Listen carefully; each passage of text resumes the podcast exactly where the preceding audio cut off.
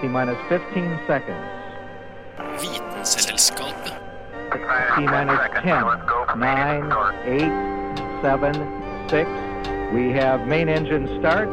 4, 3, 2, 1, and liftoff.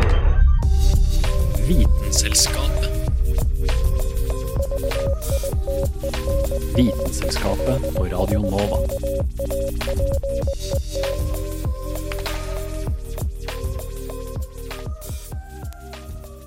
Når du dør, hva er det egentlig som skjer da? Mest sannsynlig er det ingenting som skjer, du bare forsvinner fra overflaten. Eller er det noe annet som skjer? Du har sikkert hørt om føniksfuglen, vi som har sett på Harry Potter noen ganger. Denne fuglen er faktisk symbolet på gjenfødelse og udødelighet i blant annet gresk mytologi. Og ifølge myten så brenner den opp samtidig som fuglen blir fornyet i asken. Men finnes det noen sånne her dyr i virkeligheten? Og vil vi mennesker noen gang bli født på ny? Det skal vi iallfall prøve å svare på i dag. Jeg heter Anna Vik Rødseth, og velkommen skal du være til Vitenselskapet. Å vite vet Vitenselskapet.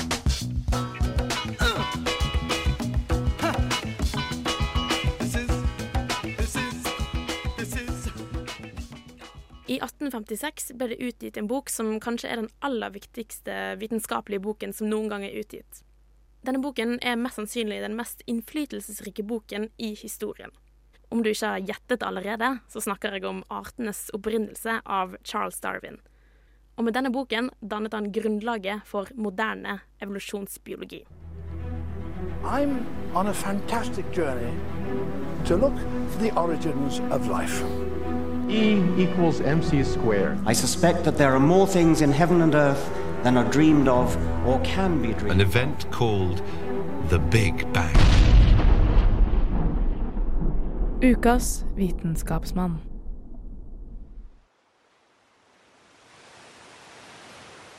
Unge Charles hopper ut av båten og vasser i land på Galapagosøya Isabella. Solen svir i nakken, og fuglene flyr høyt over hodet på ham. Når Charles ser litt nærmere på fuglene, kan han se at de ikke er like som fuglene på den forrige øya han gikk i land på. Charles er helt sikker på at det er finker han ser. Og det var finker han så på øya Ferdinanda også. Men disse finkene her har jo et større og kortere nebb enn de forrige han så. Charles kommer seg i land og setter seg ned på en stein i strandkanten.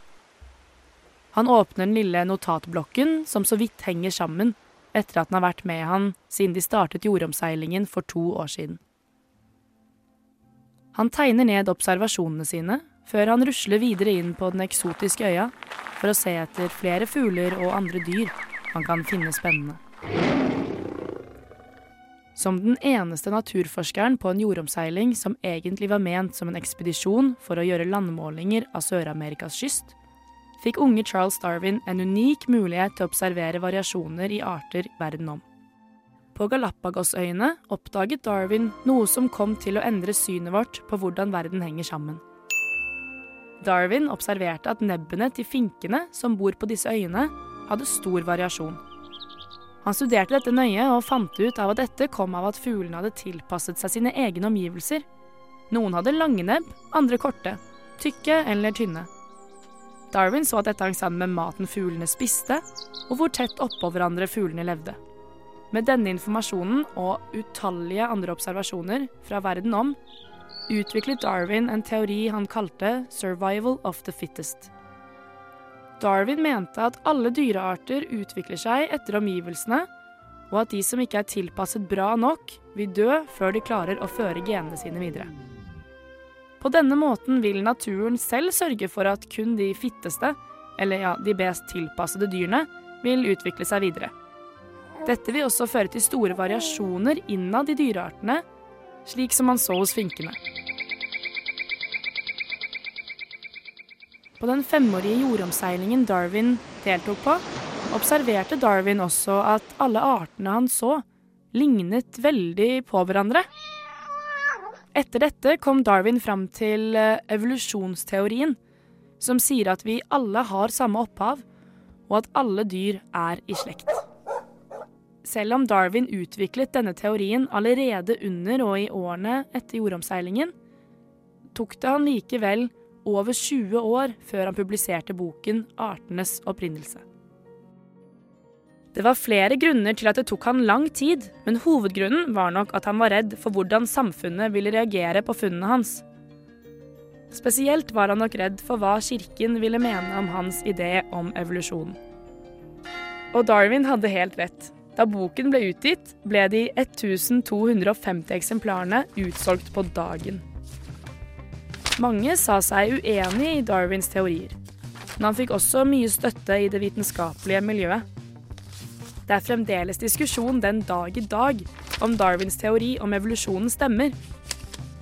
Men det er Darwins bok 'Artenes opprinnelse' som i dag er hovedlinjene innen vitenskapen. F.eks. er evolusjonen gjennom naturlig utvalg den eneste mekanismen vi kjenner som kan forklare hvordan artene får ulike tilpasninger. Darwin utga flere bøker og jobbet hele livet sitt med naturvitenskap. Men i sine senere år da helsen ble dårligere, var Darwin mest opptatt av plantene han hadde i hagen og i drivhuset sitt.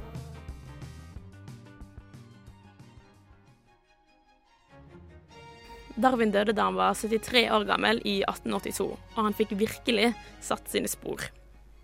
Selv om det er fortsatt noen i dag som ikke tror på evolusjonen, så er dette her kanskje den viktigste vitenskapelige oppdagelsene i historien. Og denne saken ble laget av Aurora Caroline Thommessen. Vitenselskapet.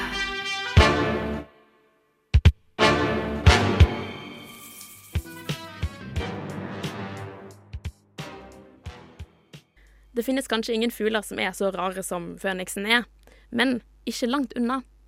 Vi tok turen til Naturhistorisk museum for å snakke med Petter Bøckmann. Jo, nå skal du høre. Det som er så spennende med den lille krabaten her Og så stikker han sugesnabelen i deg, og så surper den i fra boka. Flash, flash, flash. Blim, blim, blim, blim, blim, blim, blim. Jeg heter Petter Bøckmann, og jeg er zoolog. Ta-da! Fem rare fugler. Fugler er ikke så veldig rare. Eh, fugler er faktisk eh, veldig lite rare. Og det kommer av at fugler er en ganske ny dyregruppe.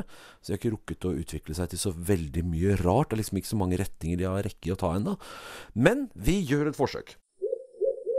På femteplass en norsk art, spurveugle. Og det er ikke at selve spurveugla i seg sjøl er så rar, men han gjør et par rare ting.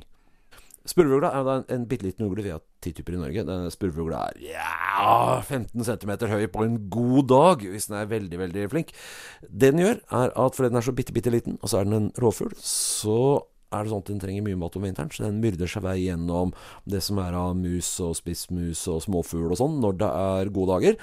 Og så tar han den med seg hjem, og så putter han i fryseboksen sin. Og fryseboksen sin, det er reiret. Han bruker bare reiret som fryseboks. Jeg tenker det er kaldt om vinteren. Og der baller det seg opp da med frosne smådyr. Eh, og når eh, spurveugla blir i sulten, så går den og så ruger den ut et frossent dyr, så det tiner. Og så svelger den og spiser den. Og dette går greit så lenge det er sånn cirkabalanse på gode dager og dårlige dager. Hvis det er gode dager hele vinteren, så blir det fryseboksen veldig full. Det er noe enhver av oss kan kjenne seg igjen til. Og så er den ikke noe flink til å rydde ut av fryseboksen sin, så når våren kommer, så råtner hele svineriet, og så må altså reiret kondemneres.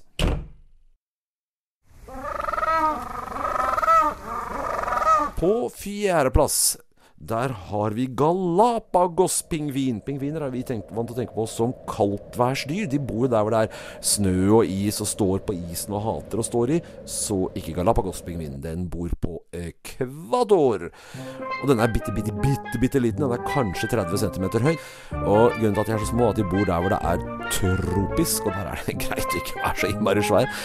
Og men det viser den andre siden av pingviner, og det er at pingviner det er ikke det at de må bo der hvor det er kaldt, de må bare bo et sted hvor de ikke er pattedyr. Og det er de ikke på Galapagos. På tredjeplass neshornfugl. Det som gjør det litt trangt å være fugl, er at du må fly, og dermed så må du ikke veie for mye. Det hindrer ikke neshornfuglen i å ha en diger banan på nebbet, som den bruker for å tøffe seg for damene. Og ikke bare tøffer den seg for damene, den gjør en rekke andre ting òg. Når den først har fått en dame og puttet henne i hullet sitt, og sørget for å besvangre henne, så bygger den igjen reirhullet, sånn at det bare blir et bitte, bitte, bitte lite hull, hvor han kan fly og putte inn daue og bær og litt sånn småtteri som hun kan spise da mens hun ligger på egga sine. Men den ser jo så snål ut, det ser ut som den er fullstendig framtung. Det skal sies at det neshornhornet er hult, sånn at den, den kneler ikke når den flyr, men det ser sånn ut. På annenplass en fugl som har overtatt jobben til grevling. Vi er vant til at det å rote i bakken, grave høl og spise snegl og meitemark, det er en grevlingjobb. Men det er jo ikke alle steder i verden hvor det er grevling, og da må fugler overta. Og på New Zealand så er det kiwien som har tatt over. Og kiwien ser da fryktelig, fryktelig rar ut. Den har, ja, den har faktisk vinger, den har til og med klør på vingene. Den har langt, tynt nebb, og så går den rundt, altså plukker den i seg meitemark og sånn. Og fordi det ikke er noe stort og farlig der, så driver kiwien og konkurrerer med, med hverandre og dermed er det om å gjøre å ha altså si, kyllinger som kan mest og er flinkest, og det betyr egentlig de største kyllingene. Så de har altså et egg som er nesten halve kroppsvekta til kiwien. Så kiwimor klemmer ut et egg som altså er helt absurd digert i forhold til den stakkars lille kiwiskrotten. Men på førsteplass Huatzin, også kjent som sigøynerhøne. En veldig rar fugl som bor i Sør-Amerika, i jungelen der sånn. Den har klør på fingrene, eller på vingene, og klatrer som et ekorn. En fugl som klatrer som et ekorn. Den slags trodde vi at vi sluttet å holde oss med sånn rundt dinosaurtider, men det stemmer altså ikke. Det si, den har egentlig bare klør når den er liten. Når den er stor, så bytter den jo kløra sine med fjør, og så får den sånn vanlig flyvefjør. Noe god flyver, det blir den aldri. Men hvis man noensinne er ute og padler i, på disse flodene hvor vi finner denne huatzinen, så hender det at man finner sånne luftrøtter. Du kan tenke deg Mangroveskoger har sånne luftrøtter som går ned i vann. De står av og til opp i en bue. Disse huatzinene er sånn at de hopper ut i vann, og så klatrer de oppover for å komme seg oppover. Og hvis da en sånn rot klatrer, står i en bue, så ender den jo opp på toppen av bua, og så kommer den ikke noe høyere. Og så går flo og fjære opp og ned, og der blir denne fuglen hengende. Og så kommer det pirajaer og spiser den opp. Så når du er ute og padler her, så kan du finne sånne luftrøtterbuer hvor det henger små skjeletter av hoatzinkyllinger som kom så langt, men ikke lenger. Og han som tok turen til Botanisk hage, heter Carl Adams Kvam. Hæla i taket med Vitenselskapet.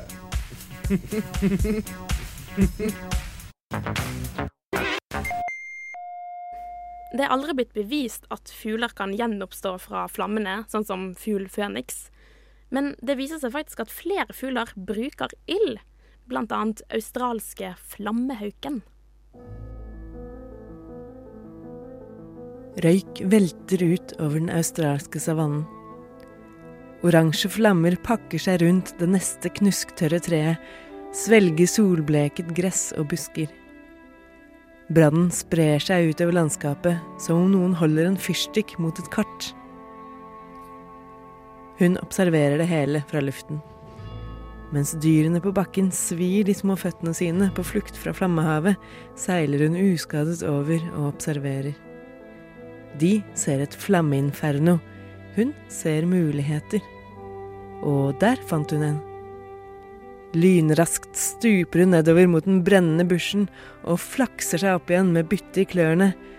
Ikke en sprellende mus eller giftig slange, men en brennende gren.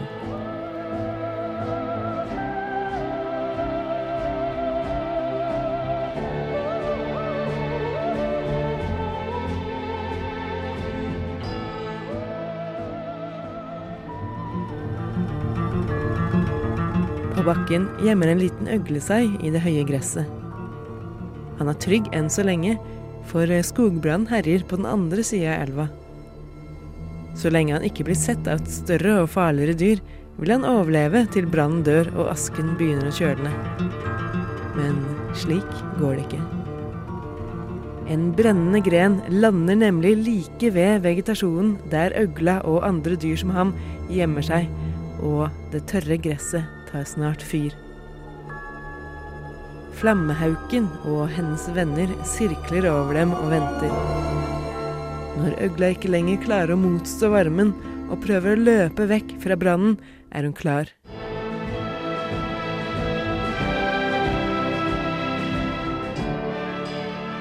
Hun og vennene hennes fråtser i panikkslagne dyr.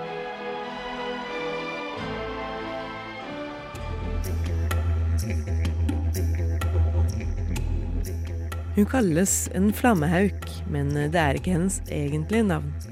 Hun er en svartglente, og hun er ikke den eneste rovfuglen som har blitt observert mens de sprer skogbranner for sin egen vinning. Også plystreglenter og brunfalker benytter seg av denne slue metoden. En så sleip metode at man lenge har nekta å tro at fuglene faktisk kan være så utspekulerte. De australske aboriginerne har nemlig sett dette fenomenet i tusenvis av år uten å ha blitt trodd. Ingen har heller klart å filme en flammehauk med en brennende gren. Enkelte ornitologer har ment at ildspredningen skjer ved et uhell. Ved at fuglene prøver å ta et bytte, bommer og tar med seg en gren istedenfor. Og så slipper den tilfeldig et annet sted, og dermed sprer brannen. Men en nyere undersøkelse som bygger på observasjoner fra aboriginske tradisjoner, førstehåndsberetninger fra aboriginere og brannmenn, tyder på at dette ikke skjer ved en tilfeldighet. Selv om det er snakk om bare et fåtall individer som faktisk sprer ilden, er de antageligvis organisert som et jaktlag hvor en hel gjeng med fugler kan få seg et godt måltid på en relativt enkel måte. En måte å jakte på som jeg tviler på at australske brannmenn er så innmari glade for. Hittil har man ofte sagt at skogbranner startes av hovedsakelig to ting. Nå må man kanskje begynne å si at det er tre ting som sprer brann. Mennesker, lynnedslag og fugler. Det er ikke bare de flammehaukene som drar nytte av skogbranner. I Nord-Amerika bor det nemlig en liten fugl som heter brannfeltparula. Den her er ganske sjelden fordi den er avhengig av skogbranner for å bygge redet sitt. Den vil nemlig ikke bo hvor som helst. Den bygger bare reir på de nedre grenene av banksfurutrær, som er mellom 6 og 15 år gamle. For å få nye banksfurer til å vokse, trengs det nemlig skogbranner. Fordi konglene er laget på en sånn måte at de rett og slett ikke åpnes med mindre temperaturen er høy nok. Og hun som laget denne saken om flammehaukene, var Kristin Grydland. Vitenselskapet. Vitenselskapet på Radio Nova.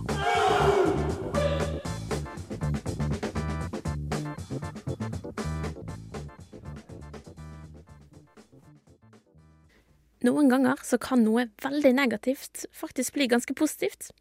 Dette gjelder faktisk skogbrann, tro det eller ei. Se for deg at du er ute i skogen en fin sommerdag. Det er varmt og tørt i gresset, akkurat passelig for å legge seg ned og slappe av. Men så, plutselig blusser det opp, og det sprer seg og blir mer og mer og mer, til det er ingenting igjen.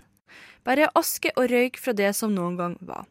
Skogbrann er veldig effektivt og veldig skadelig. Flere husker sikkert at skogbrann ramma flere ferieparadis i sommer, slik som Kroatia, eller den massive skogbrannen Thomas som herja i California i store deler av desember, og faktisk skapt unntakstilstand. Skogbrann kan påvirke hus, heim, folk og dyr, og selvfølgelig det mer åpenbare selve skogen. En ting som er sikkert, er at skogbrann kvitter seg med det meste på overflata, men det er faktisk ikke bare ødeleggende. I mange tilfeller blir skogen faktisk fornya.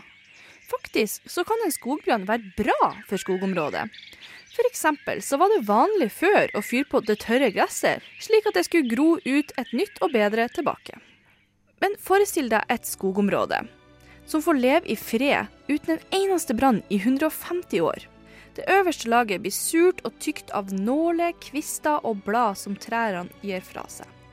Disse omdannes jo til jord, men denne omdanninga går saktere og saktere, og det blir deretter vanskeligere for nye frø å få fotfest og spire. Og for trærne så blir det også mer vanskelig å få tak i nok næring. Dette gjør at trærne blir til et smørgåsspor for barkbiller og andre skadeinsekter, som angriper disse stakkars trærne og får muligheten til å spre seg mye mer. Men så, etter en tørrværsperiode, kommer det et lynnedslag eller et bål eller en sigg, så blir det fyr. Ilden feier gjennom skogen, og du vet, som ild i tørt gress.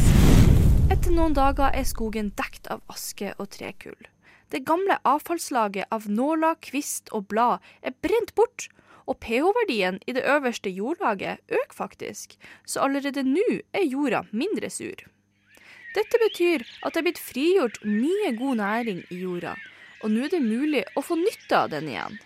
De forkulla trærne som står igjen, har nemlig fanga opp de fenolene, altså de kjemiske stoffene som tidligere hadde hopa seg opp i bakken. Disse kjemiske forbindelsene skilles ut fra røtter til ulike typer lyng, som der igjen hindrer at frø fra andre arter skal spire der.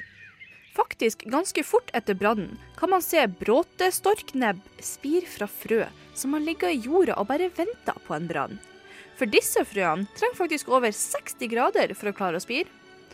Og snart kan vi se noen mosetyper og granarter dukke opp. I tillegg til geitrams og andre arter som er glad i nitrogen. Det tar ikke mer enn et år før man ser at de små furu- og granspirene samt bærlyngen har fått rotfeste. Og noen etter er den friske skogen på vei opp. Til tross for at dette kan være redning for en skog som blir oppeten av biller og andre ekle dyr, så vil jeg ikke anbefale å starte en skogbrann, heller ikke en gressbrann. Men man vet aldri hvor mye det sprer seg, og du vil vel kanskje ikke være ansvarlig for at flere hus, dyr og i verste fall mennesker går tapt? Og det var Ida Katrine Vossbotn som lagde denne saken. Du hører på Vitenselskapet på Radio Nova.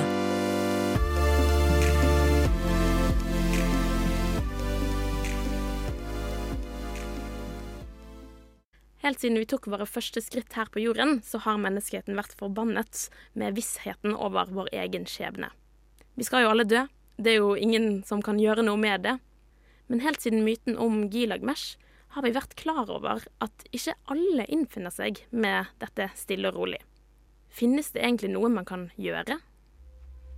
Mange sier at vår største styrke som art er at vi vet vi skal dø. At det på en måte er sånn at det å ikke alltid skulle eksistere, er det som gjør livet vakkert. Det gir mening til det vi velger å drive på med. Vi har alle en utløpsdato, og ikke noe best før heller, nei. Her går det i siste forbruksdag. Men de færreste av oss tror at det er slutten. Vi er nok alle klare over at kjøttpucken som vi drasser rundt på dag etter dag, en dag ikke kommer til å være her lenger. Men de aller færreste av oss tror at dette er slutten for alt. Selv halvparten av alle ateister, hvis vi tar bort brorparten av menneskeheten som tross alt er religiøse, tror at det er noe mer. Og da sier det seg selv at vi egentlig ikke har noen planer om å go gently into that good night. Men det er ikke alle som bruker tida si på å tenke på liv og døden og sånn. De fleste gjør ikke det, faktisk. Men blant de som gjør det, så planlegges det heftig. Både i smug og dus. Folk med sykdommer som ikke kan kureres nå, og generelt mennesker som vil gi det et forsøk, lar kroppen sin fryse etter døden, for at man forhåpentligvis en eller annen gang i fremtiden, når teknologien er der, kan vekke dem til live igjen. I USA så har en såpass stor kjendis som bukseselenes herre, intervjuets mester, Larry King, allerede planene klare. Han skal fryses. Tenk på alle som ikke er født ennå, som han ikke har fått lov til intervjue på TV. Skjønner det godt, det. Og der borte i Uniten er det forskjeller som rår. Prosessen er dyr, så den er forbeholdt de absolutt aller rikeste og kjendiser, egentlig. For ikke bare er det stor jobb å fryse dem, fasiliteten må jo holdes kalde, og sånt tar strøm. Men la oss fort gå inn i prosessen. Den deler seg to egentlig med en gang, såkalt hodefrys og helkroppsfrys. Her kan du sikkert gjette forskjellen selv.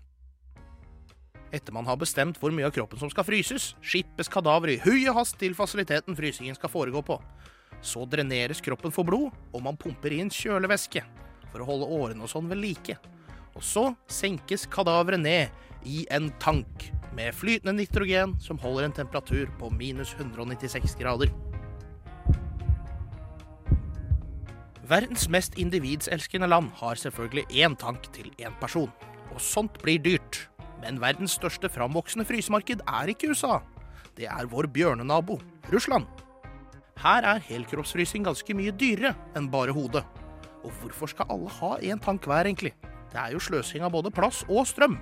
Så der tar man huene 30 om gangen og slenger de oppi samme tanken. Men ikke alle er overbevist over at dette her funker.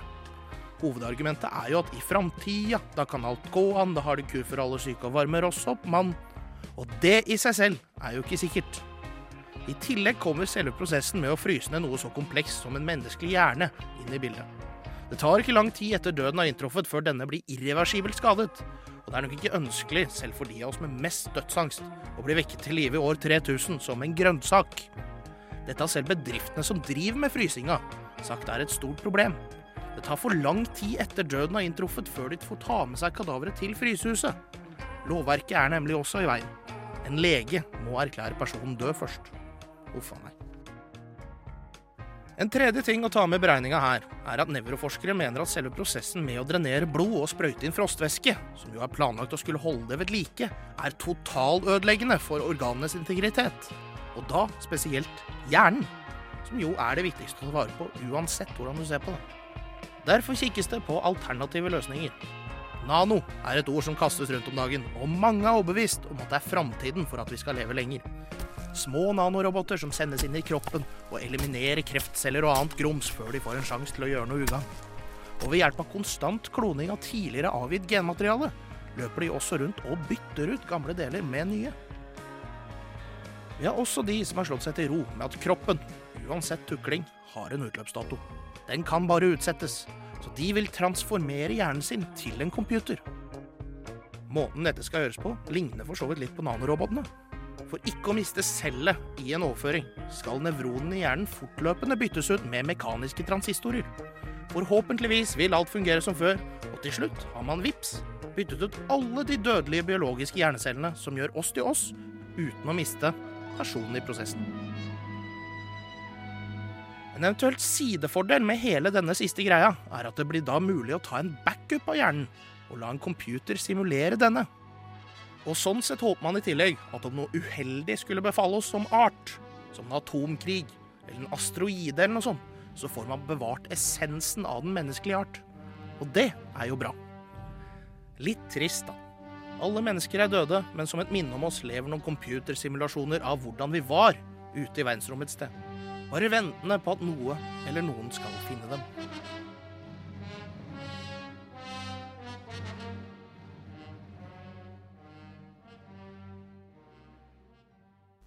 Og han som mest sannsynlig kommer til å fryse ned hele kroppen sin når han er død, heter Dag Løvold Magnussen.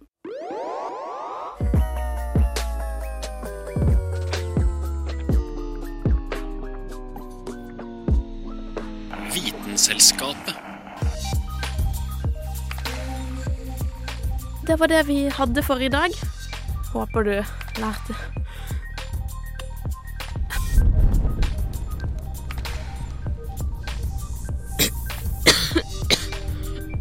Det var It became very hot here. Jeg vet ikke helt hva som har skjedd nå. Jeg vet ikke helt hva som har skjedd med meg. Kanskje jeg har blitt den nye føniksen. Nå er jeg veldig usikker. Men følger oss på Facebook. Og last ned podcasten vår. Jeg heter Anna Vik Røseth, og vi snakkes neste uke. Håper jeg er meg selv da da. Ha det bra.